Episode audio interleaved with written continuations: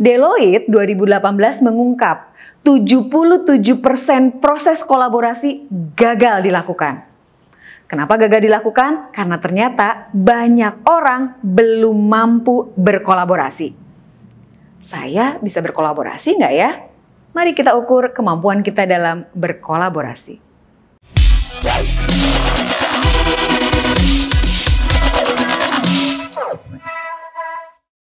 Perilaku kolaborasi adalah perilaku yang alamiah bisa dilakukan oleh setiap orang.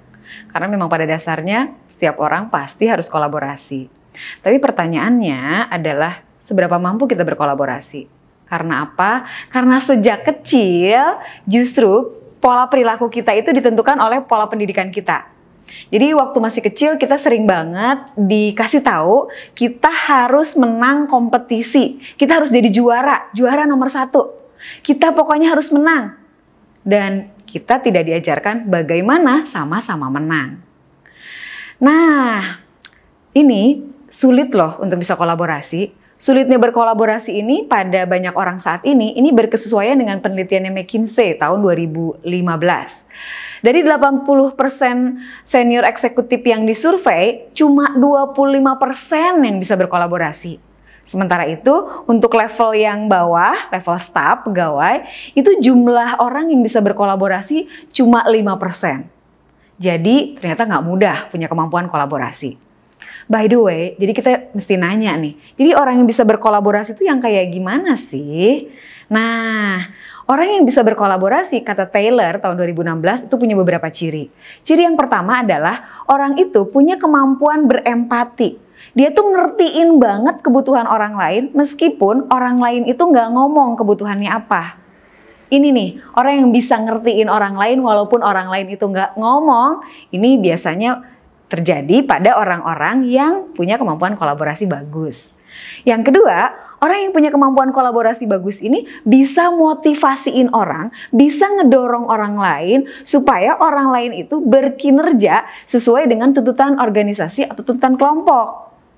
Nah, meskipun dia bukan pemimpin, punya berbagai cara dia tuh bisa bikin anggota kelompoknya atau anggota timnya untuk bisa uh, kerja sesuai dengan tuntutan timnya gitu ya. Itu ciri orang yang kolaboratif tuh bagus.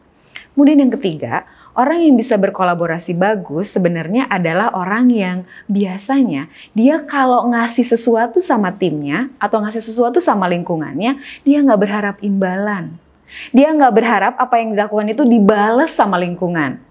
Itu adalah ciri-ciri orang yang kalau diajak kerjasama atau dia bekerja sama pasti bakalan asik tuh orang kayak gitu. Karena apa? Dia nggak berharap imbalan kok. Ini seru banget nih orang kerjasama kayak gini nih. Bahasa psikologinya orang kayak gini orang yang altruistik. Kemudian ada lagi nih ciri lain orang yang enak banget kalau nanti dia kerjasama orang ini kalau dihadapan dihadapkan pada konflik, orang ini nggak ngindarin konflik. Dia nggak ngomongin orang di belakang. Dia nggak pura-pura nggak tahu konflik. Dia justru hadapin konflik, dia berani atasi konflik. Karena apa? Karena di situ bisa jadi hubungan kerja jadi tambah lebih bagus, hubungan kerja tambah lebih erat. Karena itu dia hadapin, dia beraniin tuh atasin konflik.